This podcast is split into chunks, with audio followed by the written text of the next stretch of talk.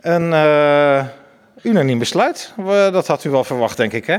Uh, als het gaat om de, opvang van, uh, de extra opvang van staatshouders hier in het Hoefhuisgebouw, ja, dat had ik verwacht. Want, want het is eigenlijk altijd zo. De Raad steunt dit soort voorstellen eigenlijk steeds. Uh, we hebben ook, vergis je niet, in de Raad één fractie die heel anders in de wedstrijd zit. Uh, die waren er niet. Maar de rest van uh, de fracties die heeft absoluut compassie ja. voor kwetsbaren. En de vluchtelingen vallen daar zeker onder de staatshouders.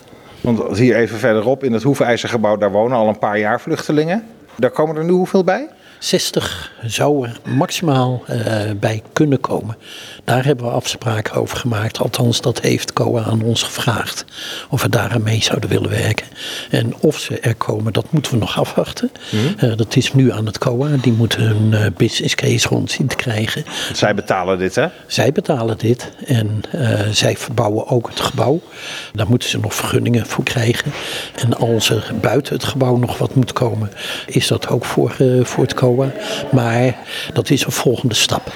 Ja, want de tussentijds is het gebouw al een keer aangepast. Dus toen is die tweede verdieping geschikt gemaakt voor bewoning.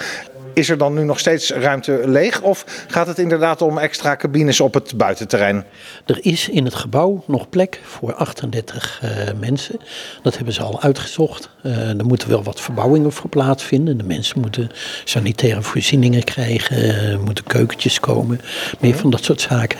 Uh, dus er moet wat verbouwd worden, maar er is ruimte voor 38 plekken nog. Dus als er 60 worden, dan moet er ook op het terrein nog iets komen? Heel goed. Ja dan, uh, dan moeten de reflexwoningen achter het gebouw geplaatst worden. En, wanneer wordt duidelijk of het doorgaat en hoeveel het er zijn en wanneer ze komen? Uh, wij gaan nu uh, het COA informeren dat ze kunnen komen. En dan is het aan het COA om daar een besluit over te nemen. Het COA is in de regio en ook ver buiten de regio nog met, ik heb begrepen, elf plekken bezig. Te kijken of ze daar ook extra mensen kunnen, geplaatst kunnen krijgen. En dan maken ze ook een economische afweging. Ja. Uh, wat de beste kostenbaten uh, op zal brengen. Maar dan is een plek waar al uh, mensen zitten misschien wel een logische. Dat zou heel goed kunnen, ja. ja. En ze zijn welkom.